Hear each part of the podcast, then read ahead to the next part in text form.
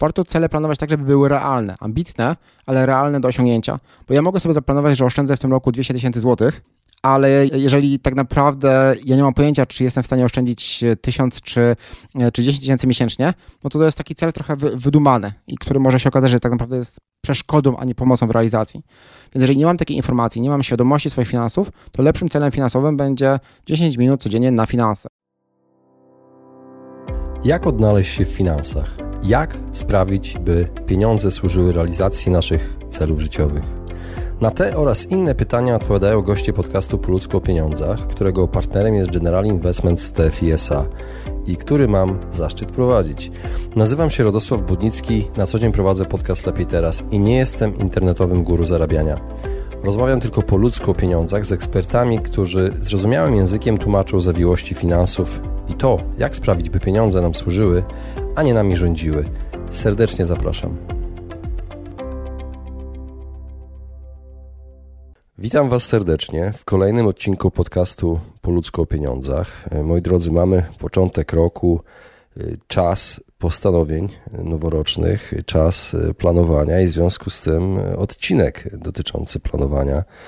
I postanowiłem zaprosić do niego osobę, która według mnie jest uosobieniem dobrego, skutecznego planowania specjalistą od produktywności, Dominika Juszczyka. Dominik Juszczyk jest certyfikowanym trenerem Instytutu Galupa, a od 2018 roku certyfikowanym facylitatorem. Ciągle szuka nowych sposobów na mądre i intencjonalne działanie, świadomie buduje nawyki, pomaga w odnajdowaniu swoich mocnych stron, i wykorzystywaniu ich w odpowiedni sposób. Na co dzień prowadzi też podcast z pasją o mocnych stronach. W związku z tym postanowiłem zaprosić Dominika, żeby podzielił się swoimi doświadczeniami, wiedzą na temat skutecznego planowania. Serdecznie zapraszam Was do wysłuchania tego odcinka. Cześć Dominik. Cześć Radku. Bardzo dziękuję, że zgodziłeś się wystąpić ponownie w podcaście Po ludzko o pieniądzach. Yy, witam Cię serdecznie i Chciałbym dzisiaj porozmawiać o czymś, co kojarzy się ludziom z początkiem roku, najczęściej końcem, początkiem roku, przełomem, sylwestrem i postanowieniami. Chcę dzisiaj z Tobą porozmawiać o planowaniu. Czy jesteś gotów? Tak, jest, jestem gotów. Dziękuję za zaproszenie. Wiesz, jak widzę, widzę propozycję od Ciebie, to jedyne, co mnie może powstrzymać, to właśnie, że mam coś zaplanowane w tym czasie a jeżeli nie, to, to zawsze z chęcią się zgadzam, także dzięki jeszcze raz. No chyba, że... I tak możemy, możemy zaczynać. No chyba, że ci korki pójdą tak jak dzisiaj. Tak, e, wiesz, dobre planowanie też to, to uwzględnia, nie? E, plan A, B, C, D, e, więc ja w tle już miałem, miałem myśl, to co mogę zrobić, żeby to nagrać, nawet jeżeli będzie po ciemku. Mam świeczki, wiem, gdzie mam zapalniczkę, wiem, gdzie mogę sprawdzić, czy mam baterię, Telefon jeszcze działa, naładowany, damy radę. Więc był plan B, był plan B. Aha, czyli to jest element planowania. Yy, tak. Dominik, dla tych osób, które y, pierwszy raz trafiły na ten odcinek, jakbyś mógł powiedzieć, czym się zajmujesz obecnie zawodowo? Mhm. Jasne. Y, od 7 lat prowadzę własną firmę. Firma się nazywa Near Perfect Performance, y, czyli wydajność bliska perfekcji. Przy czym sobie to teraz przedefiniowuję. Generalnie zajmuję się tym, żeby pokazywać wiedzę, e, rzeczy, które są ciekawe w jak najprostszy sposób, tak żeby ludzie mogli z tego skorzystać w praktyce. I tutaj mam na myśli mm, i talenty Galupa, od których zaczynałem prowadzę moje firmy, ale też rzeczy związane z uważnością, z modelami myślowymi, z dobrym rozmawianiem, więc e, szukam dobrych narzędzi, sprawdzam je na sobie, upraszczam i daję, e, daję moim klientom. Czy to będzie ktoś, kto pracuje w firmie, e, czy ludzie w mojej społeczności. Staram się właśnie pomagać w ten sposób e, ludziom, z którymi jestem. Mhm. Dominik, od jakiegoś czasu obserwuję Ciebie, widzę Twoją aktywność na mediach społecznościowych. Uchodzisz za osobę bardzo zorganizowaną y, i czym regularnie dzielisz się właśnie w mediach społecznościowych, szczególnie na Instagramie, w Stories można zobaczyć, więc moi drodzy polecam, y, polecam profil Dominik Juszczyk, y, podcast z pasją o mocnych stronach i pytanie, czy ty planujesz każdy swój dzień? To jest, to jest pytanie, które pewnie będzie miało trochę inną odpowiedź w zależności, kiedy mnie zapytasz. W tym momencie planuję powiedzmy do 60% mojego dnia. I to głównie ta część e, związana z tym, co jest dla mnie najistotniejsze. Rano mam jakieś 5 minut, e, kiedy sobie siadam, to jest na końcu mojej porannej rutyny, którą mam zaplanowaną. E, patrzę, jakie mam rzeczy w moim prywatnym, e, prywatnym liście. Patrzę, jakie mam rzeczy związane z, e, w, z moją pracą w mojej firmie, gdzie mam dwie współpracowniczki i ewentualnie patrzę na, na Asanę lub inne narzędzia do, do prowadzenia projektów moich klientów, z którymi współpracuję to wszystko sobie razem zbieram i układam w plan dnia. Więc tak planuję, planuję dzień. E, oczywiście w kalendarzu też mam jakieś rzeczy, więc patrzę na kalendarz, patrzę na moje prywatne zadania, patrzę na zadania e, zespołowe mojej firmy, patrzę na zadania od moich klientów i wybieram z tego, co jest najważniejsze, układam, kiedy będę się tym zajmował, tak zwany time blocking, czyli ustalam, że w tym bloku czasu będę robił to, w tym bloku czasu będę robił to. Ustalam priorytety dla zadań, żeby wiedzieć, co jest najważniejsze, co jest drugi, trzeci priorytet i to mi daje taki szkielet dnia. Wiem, za co się zabrać, wiem, co mi, co mi umyka, jeżeli coś się stanie niespodziewanego, typu na przykład korki, albo niespodziewane y, coś związane na przykład z dziećmi, że muszę do lekarza jechać, tego typu rzeczy. E, więc mam plan dnia, który jest szablonem, z którym później sobie działam, e, ewentualnie modyfikując na bieżąco, jeżeli jest taka, taka potrzeba. Ale tak, dla każdego dnia, łącznie z, z dniami świątecznymi. Czyli na przykład dzisiaj nagrywamy 6 stycznia, teoretyczny dzień świąteczny, też miałem na ten, y, na ten dzień plan, po to, żeby ten dzień był dla mnie dobry. To nie chodzi o to, żeby jak najwięcej zrobić, chodzi o to, żeby upewnić, że w tym dniu zrobię te rzeczy, które są dla mnie najważniejsze, najistotniejsze. Mhm. Powiedz, jak bardzo do przodu planujesz? Y, to też się zmienia z czasem. Pewnie jakbyś mnie zapytał e, dwa lata temu, to byłoby inaczej niż teraz. Zawodowo takie rzeczy, które, które wymagają dużej części mojego dnia, czyli na przykład warsztaty z klientami, albo jakieś nagrania, albo e, konsulting, który zajmuje kilka godzin, jakieś, jakieś spotkanie, które prowadzę, mam zaplanowane na 2-3 miesiące do przodu.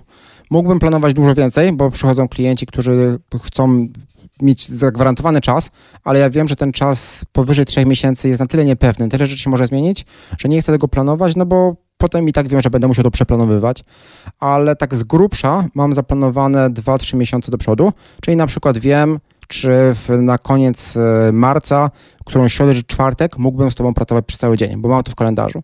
Natomiast tak dokładnie, dokładnie planuję na dwa tygodnie do przodu, czyli e, mam w miarę w miarę opisane, co będę robił w przyszłym tygodniu i tydzień później. Już z dokładnością takich rzeczy półgodzinnych, godzinnych, moich zadań. Wiem, co mi się zmieści w harmonogramie, co mi się nie zmieści. Więc takie, takie dwa, dwa, e, dwa dwie przestrzenie. Dwa, trzy miesiące grubsze rzeczy, dwa tygodnie maks do przodu, tak dokładniej. Czyli im bliżej, tym bardziej się to uszczegóławia po prostu. Tak, tak. Im bliżej, im bliżej, tym jest to do, dokładniejsze. Też dlatego, że zwiększa się prawdopodobieństwo, że to, co jest zaplanowane, się wydarzy. E, plany, y, bardzo lubię powiedzonko e, e, Eisenhowera, który mówił, że planowanie jest wszystkim, ale kiedy zaczyna się bitwa, to zostawiamy plany i działamy tak, jak, jak wróg pozwala. Plany mają nas przygotować do działania, ale potem no, głupotą byłoby trzymać się sztywno planów, jeżeli widzimy, że zmieniła się rzeczywistość. Więc, więc dlatego dużo do przodu nie planuję bardzo dokładnie, ale tak na chwilę do przodu, kiedy wiem, że jest duże prawdopodobieństwo tego, że to się wydarzy, już mam w miarę dokładne plany. Mhm. Czy początek nowego roku kalendarzowego to właśnie dobry czas na planowanie? To zależy tak naprawdę.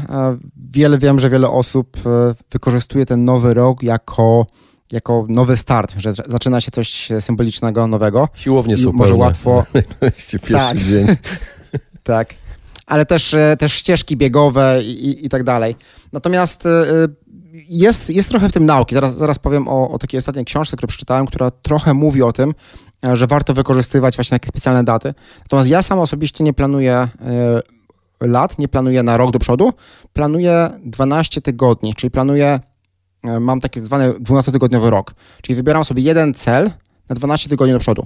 Nie mówię, że planuję dokładnie 3 miesiące, tylko planuję, jaki jest mój główny cel na 12 tygodni. Chodzi o to, żeby po pierwsze właśnie wykorzystać to, że jest przewidywalny czas. Ja nie wiem, co się będzie działo we wrześniu, ale do końca marca mniej więcej wiem, co, co się będzie działo, czyli 3, tygodnie, 3 miesiące do przodu, czyli 12 tygodni, 3 miesiące do przodu. Mm, I te 12 tygodni mogą się u mnie zacząć w listopadzie, mogą się zacząć w lutym, nie muszą zaczynać się 1, 1 stycznia. Dla mnie 1 styczeń jest tak samo, takim samym dniem jak 1 lutego, 1, 1 marca, 1 kwietnia i tak dalej. Po prostu początek nowego, nowego miesiąca. Natomiast e, są, e, są sytuacje, kiedy ten to planowanie na rok jest e, zasadne, zwłaszcza w kontekście korporacyjnym. Jeżeli mamy na przykład rok e, finansowy czy rok budżetowy, no on się zwykle zaczyna na początku roku. Chociaż są firmy, gdzie rok rok finansowy jest na przykład od maja do maja. Lepiej mierzyć od, to od po wyboru. prostu łatwiej. Mhm. Tak, tak. Ustalić budżety, zaplanować, ile osób poczułem zatrudnić, jakie przychody wygenerować, ilu nowych klientów, co sprzedać, wyprodukować e, i tak dalej, i tak dalej. Więc są sytuacje, kiedy to jest, to jest zasadne. E, jeżeli ja mówię o swoim prywatnym planowaniu, w ogóle nie trzymam się roku takiego kalendarzowego.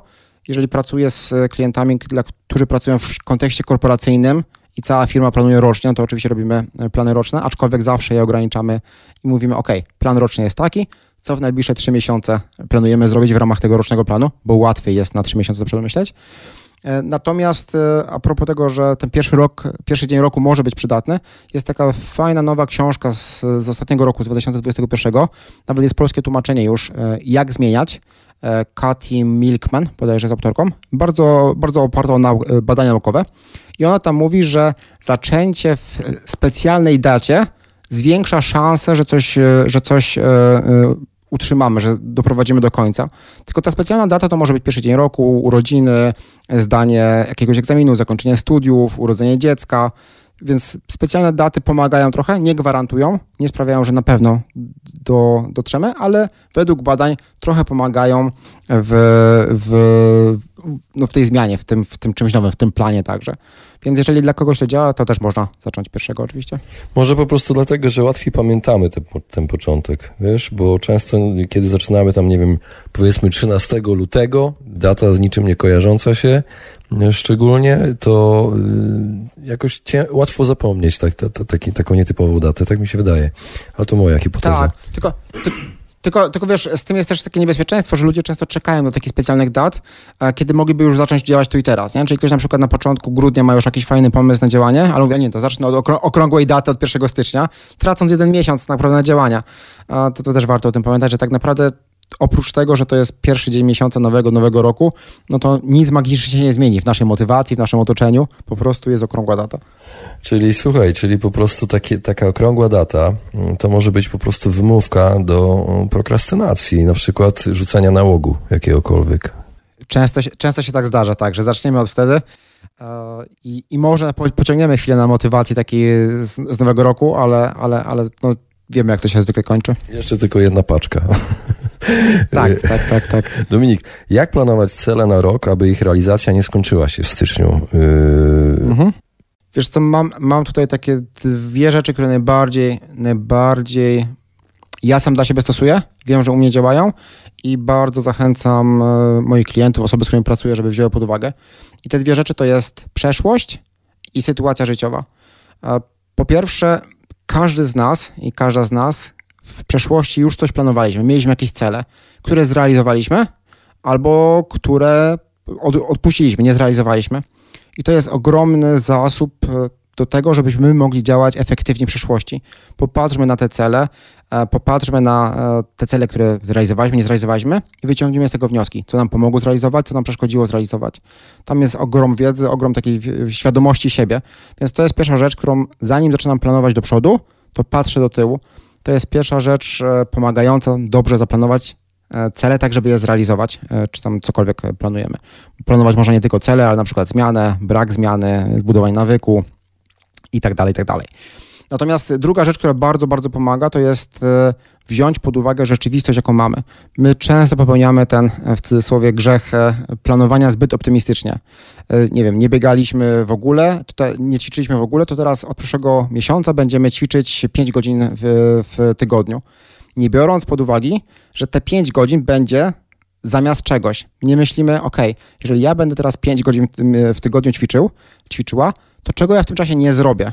To nie jest tak, że nam się nagle tydzień rozciągnie do, 100, do 173 godzin, bo tydzień ma 160, 168 godzin. To nie jest tak, że nagle dostaniemy 5 godzin na ćwiczenie, tylko czegoś nie zrobimy. I ta analiza, ile my tak naprawdę mamy czasu na działanie, ile e, czasu mamy takiego po prostu z, z rzeczy typu, nie wiem, e, E, oglądanie Netflixa, czy tam przeglądanie social mediów, a ile musimy czasu wziąć z rzeczy innych, typu, nie wiem, czasu z partnerem, z partnerką, z czasu z dziećmi, czasu na relaks, na odpoczynek tego, no, o tym nie myślimy, więc warto, warto wziąć to pod uwagę. Ja nawet zachęcam moich klientów, żeby zanim zaplanują na przyszłość, żeby sobie zmierzyli, zmierzyły, ile tak naprawdę mają czasu i na co poświęcają. E, czy to za pomocą jakiejś aplikacji, czy takiej prostej aktywności. Ja często o niej mówię jako świetna aktywność, a tak naprawdę do tej pory chyba z 5 albo 6 moich klientów to zrobiło, bo to jest trochę upierdliwe.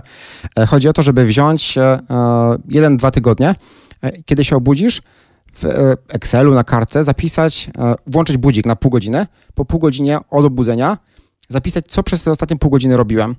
Włączyć budzik, załóż na pół godziny, po pół godziny znowu zapisać, co robiłem przez te ostatnie pół godziny. I tak do, do aż do momentu, kiedy usnę. Jeżeli robimy to przez tydzień, przez dwa tygodnie, mamy zapis rzeczy, ile czasu na co poświęcamy. I mamy wtedy informację, aha, jeżeli ja chcę wziąć nowy cel do realizacji. To może być coś z aktywnością sportową, to może być trening z psem, to może być czytanie więcej, to może być uczenie się jakiegoś języka, to może być e, zrobienie kursu, który zrobi, pomoże mi zrobić awans w pracy. Mając taką rozpiskę, na co ja poświęcam czas w ciągu dnia, będę wiedział, wiedziała, ok, to z czego ja potrzebuję zrezygnować, żeby zrobić tę nową rzecz. I mając te informacje, czyli analizę przeszłości, analizę rzeczywistości, to, e, to co, co, co wiem, że się będzie działo, dopiero mogę planować. Tam też oczywiście można robić jeszcze inne rzeczy, typu na przykład wypisać sobie, jakie rzeczy się będą działy już w ciągu roku. Jeżeli wiem na przykład, nie wiem, że w marcu się będę przeprowadzał między dwoma mieszkaniami, to wiem, że tam będą 2-3 tygodnie zupełnie wyjęte z życiorysu. Nie będę miał czasu wtedy coś robić. Więc te 2-3 tygodnie od razu uwzględniam w moim harmonogramie. Ale głównie bym się skupił na przeszłości i na określeniu, jaką mam rzeczywistość i z czego ten mój czas na realizację tego planu będzie, e, będzie e, e, wzięty. I dopiero wtedy bym planował, patrząc właśnie na te, na te informacje. W pewnym sensie już odpowiedziałeś na, częściowo na moje następne pytanie, jak formułować cele, ale tutaj mm, zadam Ci pytanie. Na przykład cele finansowe, kiedy oszczędzasz. Powiedziałeś, że taki cel powinien być mierzalny, czyli oszczędzanie można zmierzyć. Ile miałem pieniędzy parę miesięcy temu, ile planuję mieć na koncie, albo na lokacie, albo gdzieś w, poduszce, w poduszce finansowej, tak? Za ileś hmm, miesięcy? Tak. Tak, można je mierzyć, tylko że można je mierzyć, można je mierzyć w bardzo różny sposób tak naprawdę. Można je mierzyć właśnie stanem konta, ale można też mierzyć aktywnością i uwagą, którą daję finansom. Czyli na przykład mogę mieć cel, że codziennie 10 minut poświęcę na analizę finansów i będę sobie przez, e, przez e, codziennie w ciągu najbliższego kwartału czy roku 10 e, minut analizował wydatki, optymalizował budżet i tak dalej. To też może być cel finansowy, który jest łatwiej mierzalny, bo ja na przykład mogę nie wiedzieć tak naprawdę, jaki jest mój stan obecny finansowy, więc nie wiem, ile mogę oszczędzić.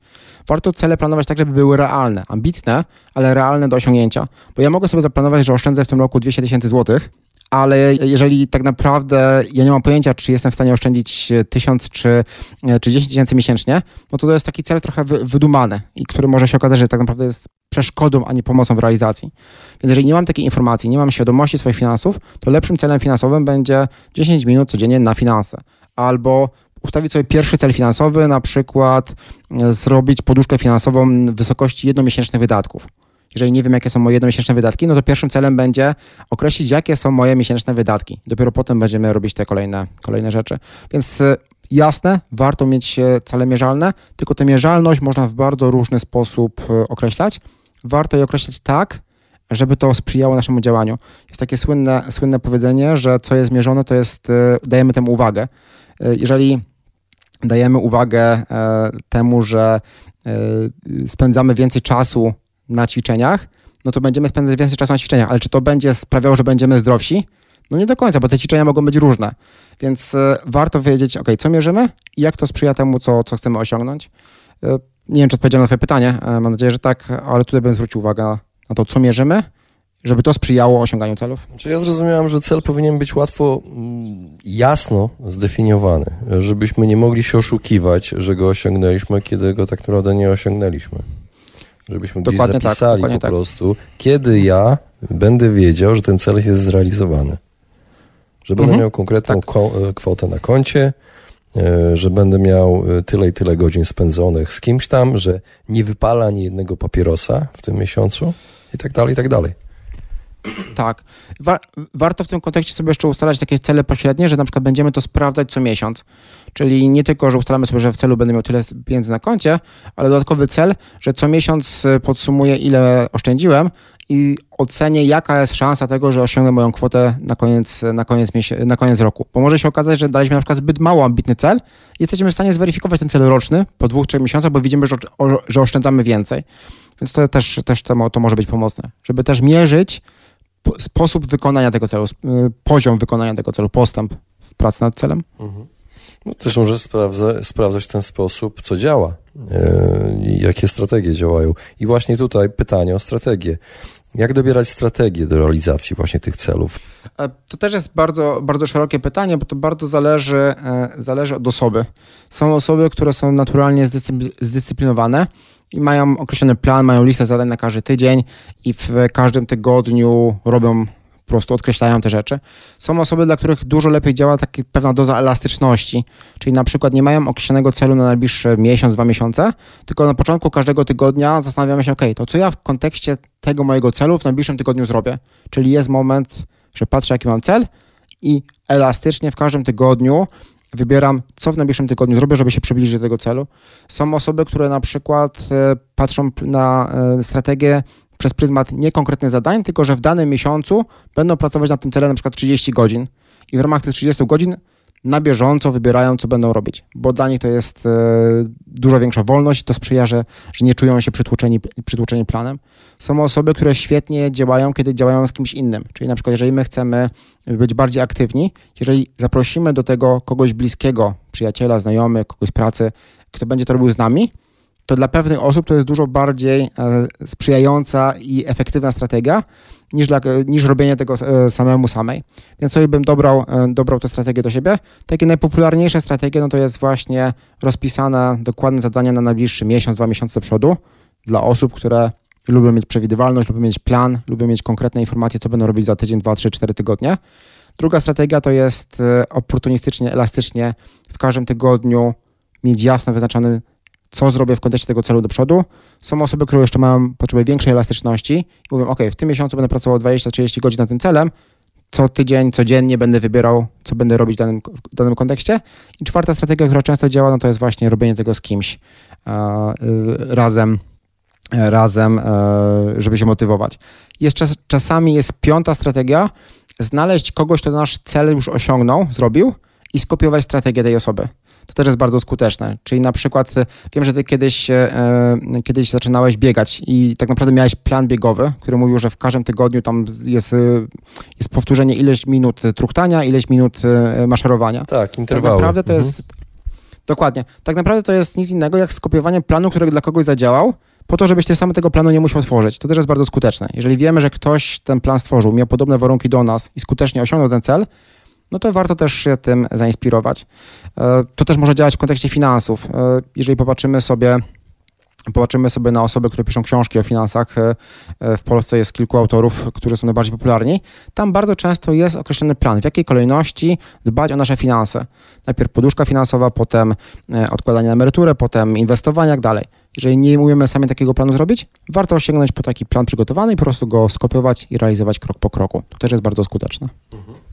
A powiedz, y, co sprzyja pomyślnej realizacji, a co utrudnia nam realizację właśnie takich mhm. Y, planów?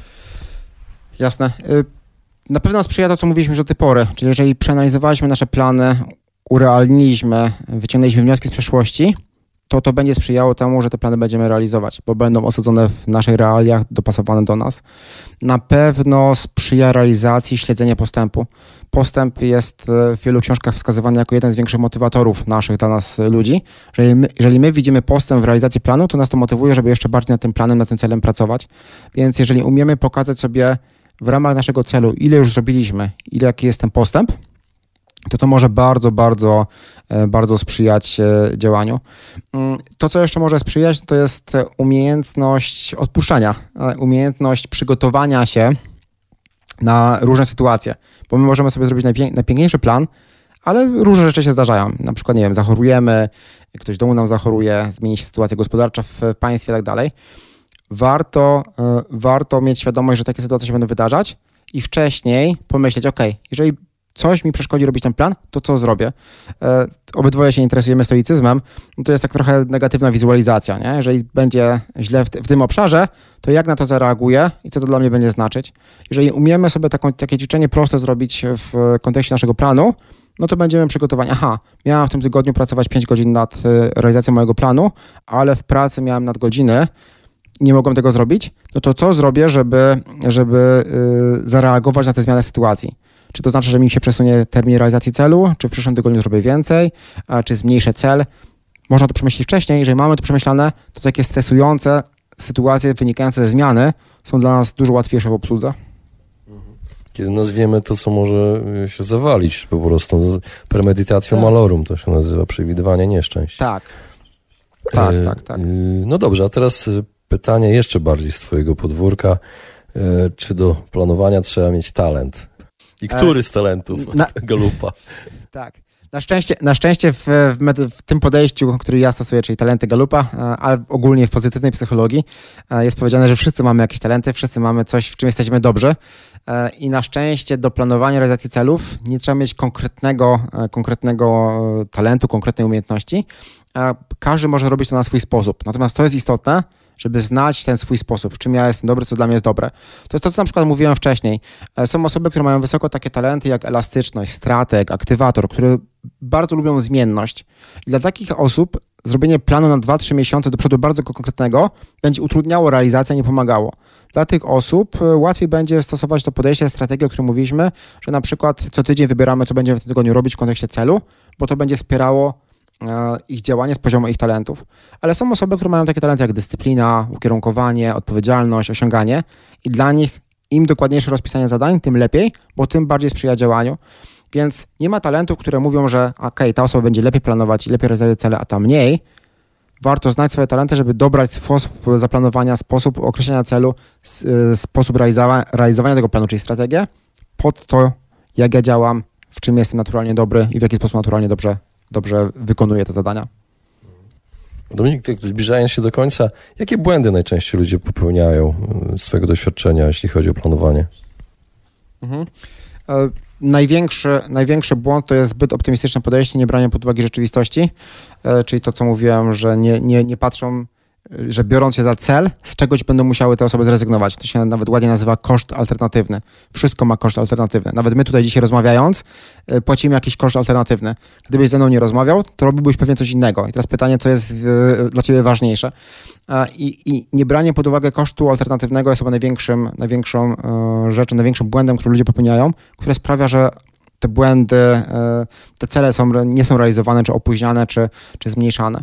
To jest jedna rzecz, a dwa, e, zniechęcanie się, kiedy nastąpi zmiana. Mamy idealny plan, mamy świetny plan, lubimy ten plan i nagle następuje coś, co ten plan zaburza. I właśnie, jeżeli my nie mamy przygotowanej tej naszej reakcji, to co mówiliśmy o, o przewidywaniu, przewidywaniu tego, co może pójść nie tak, e, to możemy się załamać i, i, i zawrócić z tej drogi, z tego planu i powiedzieć, aha, nie udało mi się, e, nie zrealizowałem planu w 100%, no to już pewnie w ogóle mi się nie uda go zrealizować. Jeżeli nie umiemy powiedzieć, aha, plan się zmienił, bo rzeczywistość i co jest następnym moim krokiem, no to to może utrudnić e, realizację, no i to jest spory, spory błąd. Więc takie dwie rzeczy bym tutaj wskazał jako najczęstsze błędy przy planowaniu. E, Dominik, ja już będę kończył, ale jeszcze jedno pytanie mi przyszło do głowy. Zadałbym ci, bo na początku naszej rozmowy powiedziałeś o jakimś narzędziu. Jakich narzędzi można używać do planowania? No, użyłeś Asana, tak? Wiesz co, y, wskazałem jako, Asana jako jeden z, z, narzędzi do zarządzania projektami. Jeżeli ktoś z tego naturalnie korzysta, to, to może z tego korzystać. Mm, warto, żeby to było narzędzie, które wspiera, e, wspiera śledzenie postępu. I narzędzia typu Asana, Teamwork, e, e, e, nie wiem, Trello i tak dalej, one to naturalnie wspierają, ale to samo można zrealizować w prostym Excelu, czy w arkusza Google'a, czy na kartce. Warto użyć takiego narzędzia, które będziemy mogli patrzeć, aha, zrobiłem połowę tego celu, połowę planu i jestem już w połowie tego, żeby osiągnąć e, ten efekt końcowy. Więc e, tutaj narzędzia też bym dobrał pod siebie. Warto, żeby te narzędzia wspierały śledzenie postępu. Dobre narzędzia to, to wspierają, więc tutaj tak bardziej ogólnie chyba bym odpowiedział. A są narzędzia, które naturalne po prostu są do tego przeznaczone, jak właśnie Asana, czy Teamwork, czy ClickUp, czy Notion, y, mnóstwo jest tych narzędzi, które pomagają prowadzić projekty. Super, Dominik, bardzo Ci dziękuję za tę rozmowę i podzielenie się taką liczbą informacji, bardzo, bardzo ważnych informacji. Dziękuję Ci bardzo. Proszę bardzo, dziękuję za zaproszenie. Mam nadzieję, że to było pomocne. Jeżeli ktoś będzie miał pytania, to śmiało zachęcam do kontaktu na tyle, na ile będę umiał i mógł, to chętnie dopowiem jeszcze jakieś rzeczy. Na stronie, Twoja strona brzmi? Adres? dominikjuszczyk.pl, tam jest y, zakładka kontakt, tam można się kontaktować. Super, dziękuję bardzo za rozmowę. Dzięki. Właśnie wysłuchaliście podcastu Po ludzku o pieniądzach. Mam nadzieję, że Wam się podobało. Jeśli tak, poświęćcie swój czas, proszę pozostawić swoją recenzję na Apple Podcast. Jeżeli macie pytania lub propozycje dotyczące kolejnych audycji, piszcie do mnie na fanpage'u Po ludzku o pieniądzach i do usłyszenia następnym razem. Pozdrawiam serdecznie.